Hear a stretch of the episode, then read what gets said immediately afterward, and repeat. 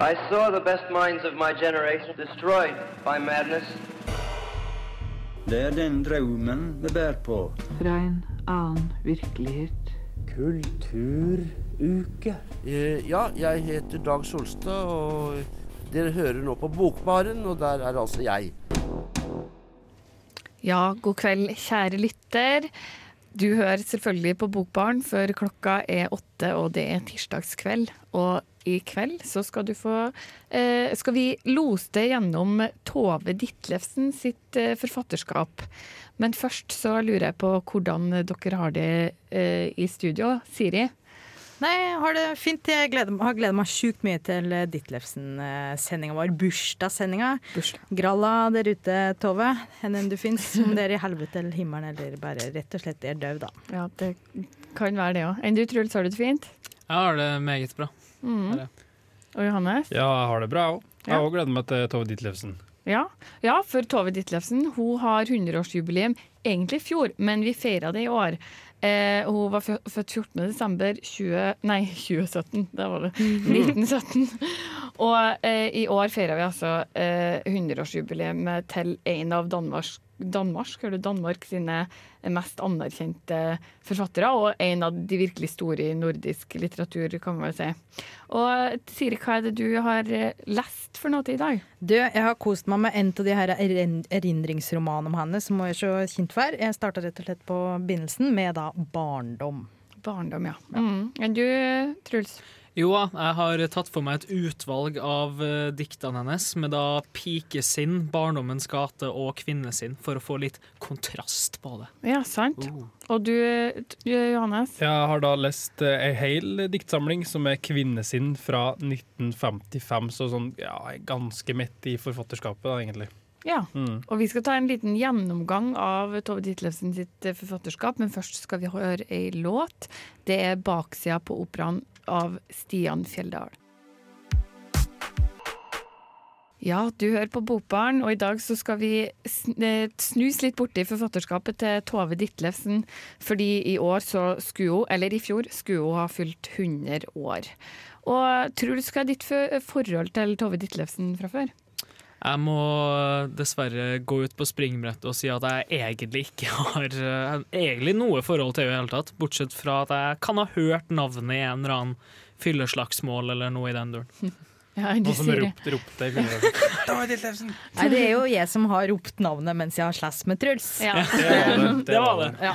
Nei, ja, men vi har, vi har jo prata litt grann om Tove Ditlevsen, Ditlevsen sine dikt i Bokbarn tidligere. Ellers så har jeg lest veldig lite av henne, så derfor eh, har jeg gleda meg da, til dagens sending. Ja, Enn du, Johannes, har du lest noe fra Ja, henne før? jeg har lest, jeg tror det var i bokbarnsammenheng at jeg har lest noen dikt av henne før. Og så har jeg et inntrykk av at hun er vel en forfatter som eh, de kvinnelige forfattere av i dag gjerne trekker fram eh, kjønnsbevisste kvinner i dag, ikke det? Jo, Spesielt Vigdis Hjorth eh, har vel et veldig nært forhold til Tove Ditlevsen. Hun, hun kan jo kanskje være der jeg har Mm. lest litt om Tove Ditlevsen, ja, så jeg føler et navn som dukker opp, da. Jeg, må bare si, jeg tror ikke du må være kjønnsbevisst kvinne for å trekke fram Tove Ditlevsen. Der. men det må jo være lov å si at Tove kanskje er en, en forfatter som har gjort gærmye fær Ja, for kvinner, da. Men eh, Ja, eh, jeg tenkte jeg skulle gjøre en liten, ta en liten introduksjon på Tove Ditlevsen og hennes forfatterskap. Så som sagt så er hun en av Danmark sine mest anerkjente forfattere. Født 14.12.1917. Og i år feirer vi altså 100 100-årsjubileet hennes. Hun vokste opp i trange kår i arbeiderklassestrøket på Vesterbro i København. Og hele livet så ønska hun og jobba for å komme seg ut av den sosiale og økonomiske klassen som hun var født inn i. I tolvårsalderen så begynte hun å skrive dikt. Og gjennom sin første publikasjon i litteraturtidsskriftet Vil vete, i da hun var i begynnelsen av 20-årene, så møtte hun redaktøren Viggo F. Møller. Han var 30 år eldre, og med han så gifta hun seg. Som den første i rekka av fire ektemenn, faktisk. Og han eh, ble også hennes vei ut av arbeiderklassen og inn i det litterære miljøet i København. Ditlevsen sitt forfatterskap det omfatta romaner, lyrikk og erindringer. Og den første selvstendige utgivelsen eh, hun ga ut, det var diktsamlinga 'Pikesinn', og den kom i 1939. Den tidligere eh, lyrikken hennes, eh, der brukte hun mye rim og sammenligninger. Og hun ble ofte, spesielt i etterkrigstida, kritisert for å være gammeldags. Eh, i lys av modernismens tid. I, I, de senere utgivelsene, eh, altså lyrikkutgivelsene, bl.a. De voksne fra 1969 og Det runde værelset fra 1973, så brøt hun med det tradisjonelle formspråket. Ditlevsen sin første roman, 'Man gjorde et barn fortred', kom i 1941. Og hennes tidligere forfatterskap tematiserte ofte barn og ungdom, og utforsker ofte barnet sitt blikk på omverdenen. I 'Barndommens gate', som er kanskje hennes mest populære og liksom elska roman fra 1943, så skildra hun Ester, jenta Ester sin arbeiderklasseoppvekst på Vesterbro. Og i senere romaner så var ekteskap og kjærlighet sentrale tema. Gjennom hele livet så slet hun med angst og depresjoner. Og sykdommen, øh, arbeiderklasseoppveksten og kjærlighetslivet ble inspirasjonskilde til litteraturen, både i romaner og i rendringsbøkene 'Flukten fra oppvasken', 'Barndom og ungdom' og 'Gift'. Og 'Gift' så, den, den kom i 1971. Der skildra hun både de mange ekteskapene sine, pillemisbruk, og, øh, som prega store deler av livet hennes. Og i mye av forfatterskapet så hadde hun veldig dystre skildringer, men også en del humor, om enn mørk. Tove Ditlevsen sine utgivelser de fikk gode anmeldelser, mye oppmerksomhet. Men som autodidakt så ble hun liksom aldri tatt helt inn i den akademiske litteraturens varme. Og hun holdt også fast på å være en antiintellektuell anti forfatter som skrev for folket. Hun arbeida bl.a. som brevkasseredaktør i damebladet Familiejournalen.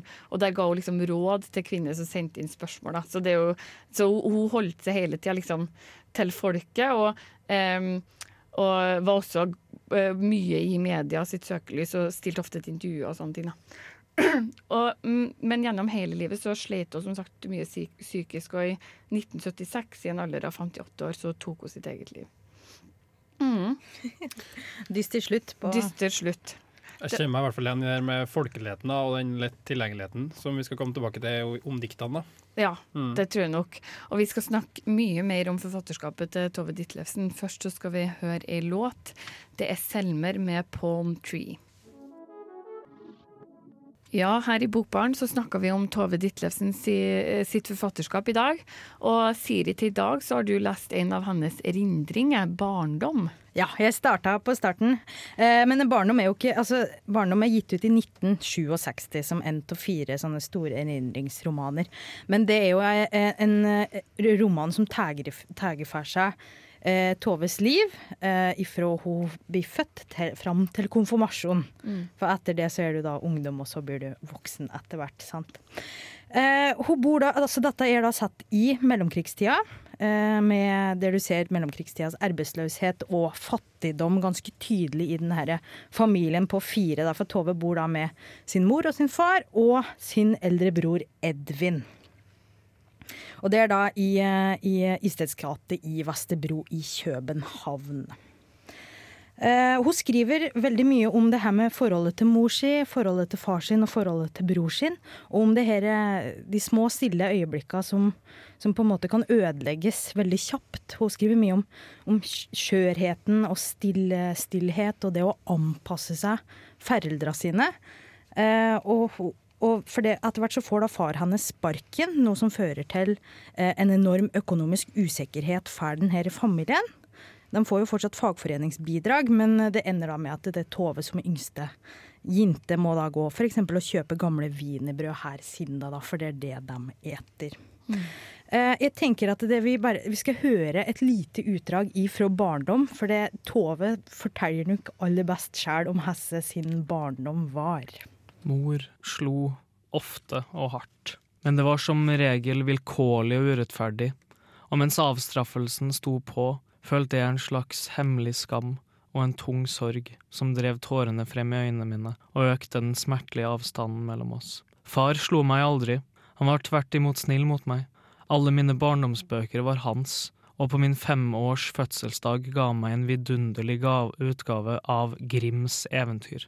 Uten den hadde min barndom vært grå og trist og fattigslig. Likevel hadde jeg ingen sterke følelser for ham, noe jeg ofte bedreidet meg selv når han satt på sofaen og så på meg med de rolige, forskende øynene sine, som han ville si eller gjøre noe i retning av meg, noe som imidlertid aldri kom til uttrykk. Jeg var mors pike, og Edvin var fars gutt. Den naturloven var ikke til å forandre på. En gang sa jeg til ham, kummer, hva betydde det, far? Jeg hadde funnet uttrykket hos Gorki og ønsket det. Han tenkte seg om lenge mens han strøk de oppoverbøyde spissene på barten sin. Det er et russisk begrep, sa han til slutt. Det betyr smerte, elendighet, sorg. Gorki var en stor dikter. Glad, sa jeg, jeg vil også bli dikter. Da rynket han øyeblikkelig pannen og sa truende, ikke innbill deg noe, en pike kan ikke bli dikter. Jeg trakk meg krenket og bedrøvet inn i meg selv igjen mens mor og Edvin lo av dette skruplete innfallet. Jeg lovte meg selv at jeg aldri skulle røpe drømmene mine for noen, og dette løftet holdt jeg hele barndommen igjennom. Du hører i utdraget her at det er ganske satte eh, kjønnsroller. Eh, og at framtida til Tovo den innebærer ikke at hun kan bli dikter, Mm. sier far, eh, far hennes. Den innebærer heller i større grad at hun skal eh, giftes bort og deretter da forsørges av sin nye mann. Men likevel så øyner du da en eller annen form for optimisme og, og sånn ukuelighet i lille Tove, da, som ønsker å bli en dikter. Men jeg bare hører du her fantastisk flott poetisk hun skriver? Ja, rett og slett. Og hun har sånne assosiasjoner som jeg bare liksom føler rett ned i sjela, rett og slett. Og det er en sånn nydelig flyt i det, men fortsatt den eh, folkelige stilen med at det er veldig, ikke lettlest, men veldig overkommelig. Ja, og det tenker jeg, eh, for det Tove vil jo tydelig fra ung alder bli dikter, og jeg tror bare det er rett og slett noe som faller henne bare helt enormt naturlig. At det, eh, det bare er en medfødt penn da, som gjør at det, hun, klarer å, hun klarer rett og slett å skrive på den her måten. Eh, så vi får jo være glad på hennes vegne at det, hun kom seg ut ur, ut ur det her eh, kjønnsrollemønsteret og klarte å bli dikter. Ja, heldigvis uh, gifta oss med en 30 år eldre mann og kom seg ut. Um, vi skal høre i låt før vi fortsetter å snakke om barndom, og det er Mats Wawa med 'Easy On The Eye'. Ja, vi snakka fremdeles om barndom av eh, Tove Ditlevsen, og i stad så hørte vi et uh, lite utdrag fra boka. Og det slår meg at mye av det hun på en måte drømmer om som barn, det er å komme seg kanskje ut av den kjønnsrollen hun er i, men også liksom ut av det den klassen hun er født og oppvokst i, og det nevnte jo innledningsvis at noe var noe uttalt som voksen òg, at hun alltid ønska seg ut av det. Hva Ja. tenkte du om det, Siri? Nei, altså jeg tenker jo først og fremst at denne her barndom da, som skildrer barndommen hennes i sin arbeid, altså arbeiderklassefamilien sin, er, er eh, her skal si, altså Det er veldig gode vitnesbyrd om eh, tilstanden, da. Tingenes tilstand i Danmark eh, anno da 1920-tallet, tenker jeg. Eh, men det som er litt artig, er at det Tove Ditlevsen sjelden har blitt ansett som arbeiderlitteratur. Men Olga Ravn, for det, uh, Olga Ravn hun er jo en dansk dikter selv, hun eh, har redigert et nytt utvalg av Ditlevsens dikt. Hun eh, heter da 'Det bor en ung pike i meg som ikke vil dø'. Og i eh, etterordet til den diktsamlinga og et essay som da var trykt i, i eh, bokmagasin til Klassekampen før jul, så skriver Olga Ravn også utrolig flott og et liksom sånn programmatisk om arbeiderlitteraturen fra et kvinneperspektiv. Da. Så jeg vil rett og slett bare lese opp det, for jeg tenker at Ravn sier det best sjæl. Tove Ditlevsen var arbeiderforfatter. Hun beskriver arbeidernes vilkår på Vesterbro, kvinnenes og barnas hverdag i arbeiderkvarteret, de fattige og utsatte raringene, de prostituerte på Isteds gate. I hennes dikt finnes også rester av arbeiderkvinnenes slagere, poesibøker og sanger. Husholdning, barnepass, omsorgsarbeid osv. fyller store deler av forfatterskapet. Det er ikke tidligere blitt ansett som arbeiderlitteratur, men la meg knytte en kommentar til akkurat det. Det revolusjonære subjekt, eller arbeideren, er alltid blitt oppfatta som en mann på fabrikken. Når kvinnene setter barn til verden, barn som vokser opp for å kunne gå på fabrikk, med alt det arbeidet som ligger i å reprodusere arbeidskraft, ikke bare la dem gro ut av sitt eget kjøtt og, og blod, men å føde dem og nære dem, også holde dem reine og arbeidsføre, og holde hjemmet varmt, lage mat til arbeideren når han kommer hjem, og ta seg av de gamle, er det arbeid, er det produksjon, reproduksjon, og det bør betraktes som det. Når det blir kvinnens arbeid å føde barn og holde hus, og produsere nye arbeidere til staten, gi dem mat, holde dem rene og friske, så kan kvinnens forhold til sin egen kropp sammenlignes med arbeidernes forhold til fabrikken. Altså er kvinnens litteratur om egen kropp og husholdning arbeiderplasslitteratur. Tove Ditlevsen var arbeiderforfatter. Og det er en slags nylesning av uh, Tove Ditlevsen som forfatter, kan man ikke si det? Ja, det er rett og slett det. Og jeg tenker det Når Tove skriver om mor si og far sin, så er det ganske tydelig at det er akkurat det hun tar tak i. Hun tar tak i hjemmet, husholdninga og hvordan dette var å vokse opp i. Ja, og tenk, der leste dere at det var en nylesning, men samtidig så den, så, den ligger så oppi dagen at man skulle tro det var tenkt på før, for det gir så mening når, når man tenker på diktene hennes. For det er akkurat det her det handler om. liksom. Hun som mor og forsørger og, og det å stoppe strømper eller trøste et gråtende barn eller sånne type ting. Og det passer jo så godt inn i den, i den konteksten. da. Men jeg må jo si det òg, for jeg syns det er så utrolig artig, for det um, den her harde hverdagen, de her harde vilkåra som Tove vokser opp i, de kontrasteres så utrolig av det her poetiske språket hun bruker for å prate om, om sin egen oppvekst. Da. Og, uh, hun er eh, altså helt fantastisk på anslag. Ethvert kapittel i barndom, bare å slå opp på hvilket som helst kapittel, og det starter med et fantastisk flott poetisk bilde. Altså, jeg, jeg er så sjukt imponert over pennen hans. jeg. Ja. ja så hun, hun har, på en side så er hun arbeiderklasseforfatter, og på andre sida så er hun poet. Og, og hun bruker mye av, av sitt liv i litteraturen. Ja, og du får, for Hun får seg en minnebok etter hvert, eh, som hun begynner å skrive dikt i. For hun begynner å dikte i veldig veldig ung alder. Og du får de, en del av de her eh, dikta eh, fra barnsbein og gjengitt i barndom, og hun skriver jo veldig godt. Som- Det er for det er jo en etterstilt forteller som forteller om barndommen sin i historisk presens her. Men de dikta må vi jo velge å tro er forfatta da hun var 11-12 år. Om kjærlighet og om de store temaene. Tror du også det at mye av motivasjonen hennes til å være så uh, flittig til å skrive dikt i en så ung alder, var nettopp det at dikterbeskjeftigelsen var liksom uh, å komme seg ut av arbeiderklassen? Ja. Er du enig i det? Ja. Ja. Ja, Interessante refleksjoner. Vi skal snakke mer om eh, Tove Ditlevsen sitt forfatterskap og litt over på lyrikken hennes.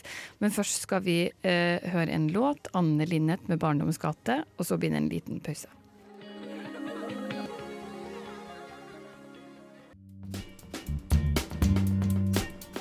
Hei, jeg heter Arild Wange og hører på Bokbaren hver tirsdag for å holde meg oppdatert på hva som skjer i litteraturen her til lands og ellers i verden. Ja, eh, vi snakker om Tove Ditlevsen sitt eh, forfatterskap i Bokbaren i dag, i anledning hennes 100-årsjubileum i desember i fjor. Og til i dag så har dere to, Johannes og Truls, eh, snusa litt borti lyrikken til Tove Ditlevsen. Eh, pikesinn og kvinnesinn. Ja, og kan jo kanskje starte egentlig bare fra det første. da. 'Pikesinn' er jo, som du tidligere nevnte, eh, diktsamlinga fra 1939, da hun da var altså 22 år gammel. Det som også er interessant å påpeke, er at det her blir utgitt samtidig som hun da ble gift med sin første ektemann. Ja. Og det er ikke en gjennomgående tematikk i selve diktsamlinga, men det er kanskje et litt sånn frempek om at det er en ung kvinne som ser tilbake på hva som har vært, og kanskje hva som kan komme da, med kjærlighetens vei, rett og slett. Mm. Og den her eh, Hu- Hu Olga Ravn, som du snakka om tidligere i sendinga, nå, Siri, hun, hun skriver det seg da at eh, mens i tidligere diktsamlinger, så, eller tidligere dikt, så, så, så har på en måte Tove Ditlevsen en slags eh, en håp, håp om lykke da, i familien og i parforhold og sånt, mens at du regner kvinnesinn, da, som jeg har lest, som en slags skillepunkt, der hun måtte mister de illusjonene da, og mer søker tilflukt til andre ting, kanskje sånn som alkohol, rus eller litteraturen sjøl. som på en måte mister de illusjonene. da. Og um, den boka her, den kvinnesinn, den handler om mye av det vi snakka om, har nevnt tidligere her. Altså ensomhet, kjærlighet, um, litteratur, av familieliv, eh, barn, oppdra barn og sånt. Så det er, um, det er mye, mye av det som jeg kjenner igjen. Altså En fellesnevner er på en måte å kanskje ikke passe helt inn, eller passe inn i sitt eget liv, eller sånn, kan man si det sånn? At man ønsker bort til noe annet, til noe bedre? Ja, og kanskje at eh, det, er en, det, er en dikter, det er en dikter som brenner inne med ekstremt mye å si, men omstendighetene gjør at kanskje det ikke er de helt riktig tida for henne å utfolde seg helt 100 da. Det er ganske åpenbart egentlig at det, det skrivinga for Tove er både terapeutisk, men òg en måte å liksom ja, altså det, e- Eskapismen er tydelig i, i forfatterskapet hennes, da, at hun ønsker seg til noe annet. på en Mm. måte. Ja, Olga Ravn trekker til og med fram det som er hovedsak. Liksom, eh, eh, tingene sånn som de er, og tingene sånn som vi håper de skulle ha vært, eller skulle ønske de skulle ha vært. Da. Mm. Og det kjenner jeg veldig igjen. Og som uh, melankolikeren i meg likte jo det her veldig godt i diktene. Mm. Så det var veldig fint. Så. Ja, eh, Tidligere eh, i sendinga så prata jeg om at på en måte man kan skille spesielt romanene hennes. Eh, at man kan dele, eh, dele dem i liksom to typer. Da. De som handler mer om barndom, og de som handler mer om ekteskapet, familien. Og nå hører vi jo på titlene her, 'Pike sin' og 'Kvinne sin', at det i hvert fall handler noe om alder. Men kan man se litt det samme her, eller? Ja, en ting jeg likte veldig godt med kvinnesinn, var at hun blander de to nivåene der, da, sånn at hun viser hvordan barndommen enda spiller med i, med i voksenlivet. Da. Hun har annet et dikt som heter så mye som eh, noe sånt som Hva heter den, den samlinga som du nevnte, Siri? Det er en liten pike i meg som ikke vil dø? Ja. ja. eh, Stemmer. Så det, det bor, dikt- bor en, liten, en ung pike i meg som ikke vet det. ja, nettopp. Så der snakker vi om det at det finnes på en, en, en liten pike inni henne som hun ser når hun ser i speilet, som hennes drømmer på en måte bor i henne men de er litt sånn Den, den unge piken da, har ikke fått oppfylt det hun ønska seg. Så liksom, det, hun har den to, tosidigheten med seg. Ja, og den utvi altså, jeg synes Hvis man ser på titlene til Tove Ditlevsen, i hvert fall, så ser du at veldig mange av, dit, av titlene hennes handler om på en måte alder, eller stadier i livet, og det kan man jo kanskje bite seg merke i. Eh, vi skal snakke mer om både pikesinn og kvinnesinn, eh, men først så skal vi høre en låt. Det er 'Untouch' med Haik. Jeg lurer på om vi kanskje skal høre et dikt til Tove Ditlevsen i stedet, ja. Per, som kanskje viser eh, ganske tydelig det her er mangelen på sammenfallet mellom her Tove kunne tenke seg å være og Hasse det er, da.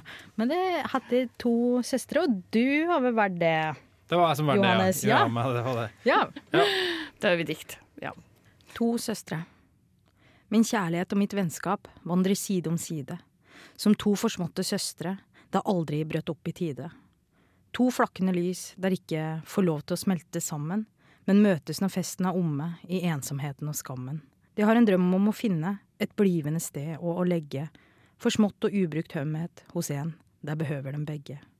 De har ingen pris så litt som verdighet eller alder, de går bare om i verden og kommer når noen kaller. Ja, Truls og Johannes, dere har eh, lest litt av diktene til Tove Ditlevsen i dag. og eh, Hva kan man på en måte si om formen på diktene? I, tidligere i, i sendinga nevnte jeg at eh, hun ble ofte kritisert for en veldig sånn enkel og tradisjonell form, spesielt før, eh, før krigen. Hva, nei, etter krigen, Det. Hva tenkte dere om det? Nei, også hun, Olga Ravn nevnte jo at det, liksom, det var arbeiderklassekvinnens fuck you til høymodernismen. da, At det kanskje var bevisst at hun liksom gikk en annen vei enn dem. Men personlig så liker jeg det veldig godt, for jeg synes det, det gjør det diktene tilgjengelig og forståelig uten at de blir enkle eller platt. Mm. Så, sånn som i det diktet 'To søstre' da, så har liksom at hun personifiserer kjærligheten og vennskapet da, som hennes indre kvaliteter, som hun ser for seg går rundt i verden og leter etter noen som møter dem. da. Som er sånne fine bilder, syns jeg. Fine metaforer. Olga Ravn trekker jo fram det, i tillegg til det her fuck you, at det å eh, jobbe innafra, inn, altså inn, inni konvensjoner, inni mønsteret, eh, mens jeg, hun skriver eh, om temaet eh, og etter hvert på en slik måte som gjør at det, det ikke er så stereotypisk lenger, men hun skriver jo mye mer om, om kanskje det nedre, om forfallet. Om, hun mister rett og slett den her optimismen og den gløden. Da. Og det er en måte å bryte ganske kraftig med konvensjonen på, for da bruker du konvensjonen til å, til å gjøre narr av Mm. glansbildet, på en måte. Og så tenker jeg det at eh, den kvinne sin og eh, Nei, unnskyld, pikesinn og kvinne sin har jo 20, nesten 30 år mellom seg.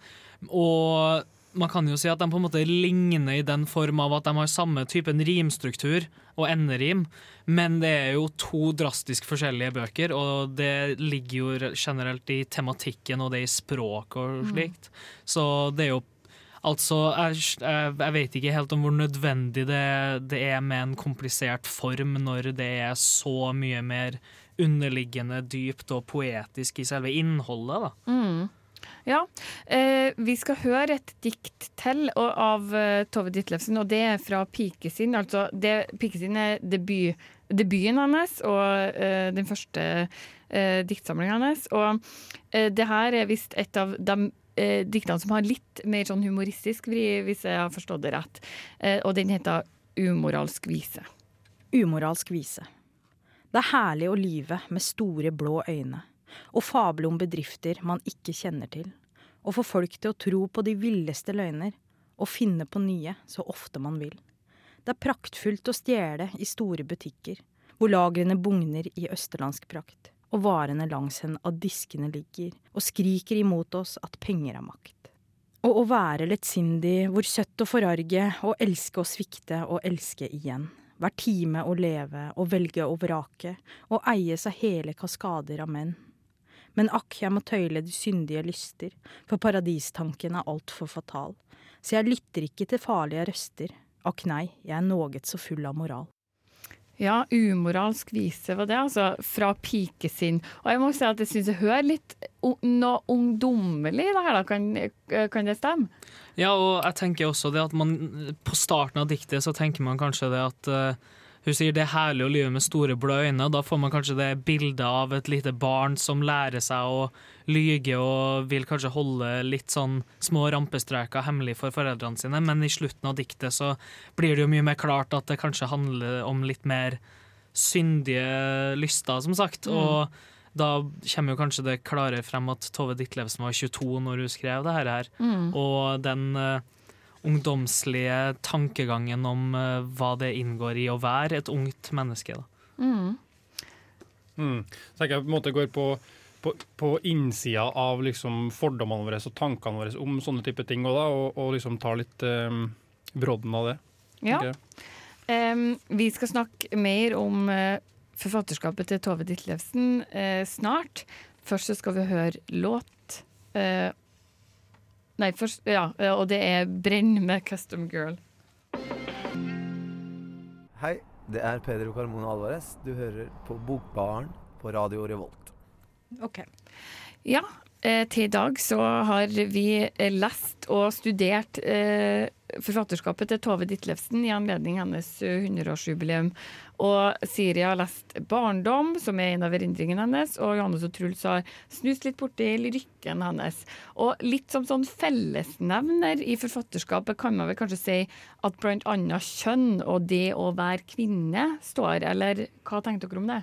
Ja, Vi nevnte, eller vi var innom innledningsvis at Tove Ditlevsen nå i dag da, er stående som en veldig viktig kvinnelig forfatter. da. Og det er ikke rart, tenker jeg, for når jeg leser diktene hennes, så er det jo så klart fra et kvinnelig perspektiv. Det handler om liksom, kvinnen sin plass i parforholdet eller i, i ekteskapet. da. Og hennes både lengsel etter det, egentlig, men også lengsel ut av det. Det handler om å oppdra unger, som vi nevnte, og, og sånne type ting. da. Så det, det er jo fra det perspektivet veldig tydelig. Mm. Det er jo, Hun tematiserer jo på en måte altså Hun tematiserer en friere seksualitet og, og prater om at kvinner skal få mulighet til å realisere potensialet sitt. Og vi har jo prata en del om at Tove Ditlevsen er en ganske her skal si, radikal og tøff, eller modig forfatter. Og Da har jeg bare lyst til å lese et lite vers som hun skrev faktisk da hun var lite, en, en lita ungpike. Hun leste til sin farmor, som deretter reagerte med vantro. sant? Den unge, rike kjærlighet, med tusen bånd den bandt. Hva gjør det så at brudesengen er en grøftekant? Og brudesenga skal jo ikke være en grøftekant i, i ordentlige familier, da. Nei, det skal det vel ikke. Ja, så mye tematikk som dreier seg rundt eh, ekteskapet, familien. En sånn eh, hang etter familieliv og unger også. Eh, hvordan er det med, med romanene og lyrikken? Skildrer hun unger og familielivet utover ekteskapet? Ja, og det virker som at hun nesten ser på et Hun ser med et ganske melankolsk blikk på den skjønnheten som barn bringer til verden, i en verden som hun kanskje ser på noe som heller dystert. Mm. Og hennes erfaringer som sagt med piller og med ektemenn som er kjipe jævler, for mangelen på bedre ord. At barn er heller dem søte små fotlydene du hører bortover gulvet, i motsetning til alt det andre kjipe i livet hennes. Ja, jeg leste et sitat som hun visstnok skal ha sagt at eh, at i de ekteskapene hvor mødre brydde seg mer om unger enn om, om mannen, så endte det gjerne med skilsmisse. Hun, hun hadde jo fire skilsmisser i løpet av livet sitt. da. Ja, det var, eh, det var ikke for å muligens gå tilbake i samtalen her, men det var heller interessant det som var tidligere, det med, det med faren som sa det at kvinner ikke kunne, eller piker skulle ikke bli diktere, at de skulle gifte seg i en ung alder. Og det, det det som jeg tenkte litt på var litt interessant, det med som sagt at hun gifta seg i en ung alder. Men hun ble også en jævla dikter. Og det er hennes måte å kanskje ikke eksplisitt kjempe for en slags frihet. Ja, nå skal det jo sies at hun gifta seg med han derre Vill VT-redaktøren. Altså, det spekuleres vel i om det kanskje var litt strategisk fra hennes side, for det, da kom hun seg inn i det litterære miljøet. Men du ser jo gjennomgående Ja, du ser yeah. hun, hun er en kyniker. At Ja, bra. Men du ser jo gjennomgående i forfatterskapet at det alltid er en higen etter ja, familie, barn, altså kjærlighet, da, elskov. Altså, hun, det er noe hun lengter ganske tydelig etter. Og jeg tenker også at det, Hun har fire havarerte ekteskap, endte med å ta sitt eget liv. Men på den tida da Tove ble født, her kan en kvinne gjøre annet enn å prøve å finne seg en eller annen fyr som hun tror og håper er ålreit og kan på en måte gi henne et verdig liv. Da, fordi det henger såpass tett sammen. Ja, det er helt enig, for vi snakka om det at hun prøver å bryte ut av kjønnsrollene bare med det å bli dikter, men det er jo sånn Jeg tenker den lengten, da, det er jo Det er jo um, Det viser jo at hun på en måte er en del av tida òg, da. Hun, har, hun klarer ikke å bryte helt ut av det og bli, og bli på en måte en kvinne av 2018, liksom. Hun er jo født i 1917. Og det er kanskje en sånn kamp som hun har drevet på med helt siden barndommen sin. Det med å faktisk, i utgangspunktet var å komme seg ut av arbeidskåret, de eh, kjipe forholdene i, i arbeiderklassen. Og senere blir det å komme seg ut av det bare utelukkende familielivet og de eh, eh, tingene som du blir befalt og gjort som kone.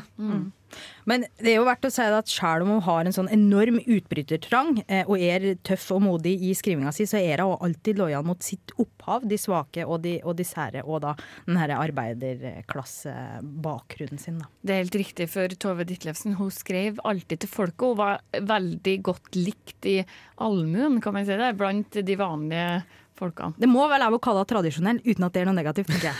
Det tenker jeg òg. Vi skal snart eh, oppsummere sendinga, eh, men først så skal vi høre The Tallest Man on Earth med An Ocean.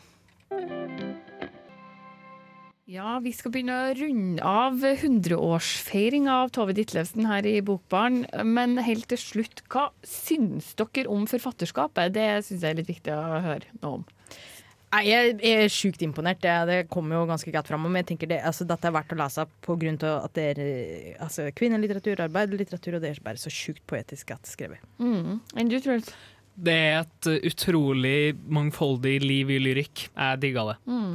Jeg er ikke helt enig med Siri at det er verdt å lese på at det er kvinnelitteratur, men jeg vil si at det er verdt å lese for at det er god litteratur. Det synes jeg er veldig bra, så jeg tror jeg skal lese Så, mer, rad mer av det. så radikalt. Ja, veldig. Radikalt, ja. Ja, eh, jeg syns Jeg har jo bare Jeg har i hovedtak satt meg inn i forfatterskapet, hans, jeg må si at jeg syns det ser at, og, er En allsidig forfatter, og eh, og så syns jo jeg at hun, at hun skriver om spennende tema, da, må jeg si. Det syns jeg fint. det er enig. Mm. Eh, nå, eh, nå til helga så er det et arrangement om eh, eh, Tarjei Vesaas debutantprisvinneren. Eh, Seshan Shakar han kommer til Trondheim på Litteraturhuset og skal snakke om tante Ulrikkes som vant eh, debutantprisen i, eh, nå i høst. Og eh, rett etter påske skal vi snakke om den boka i, her i Bokbaren. Så jeg vil anbefale alle å ta turen til Litteraturhuset på fredag. Eh, og til da så sier vi takk til Siri, Truls, Johannes og tekniker Ragnhild. Ha det bra.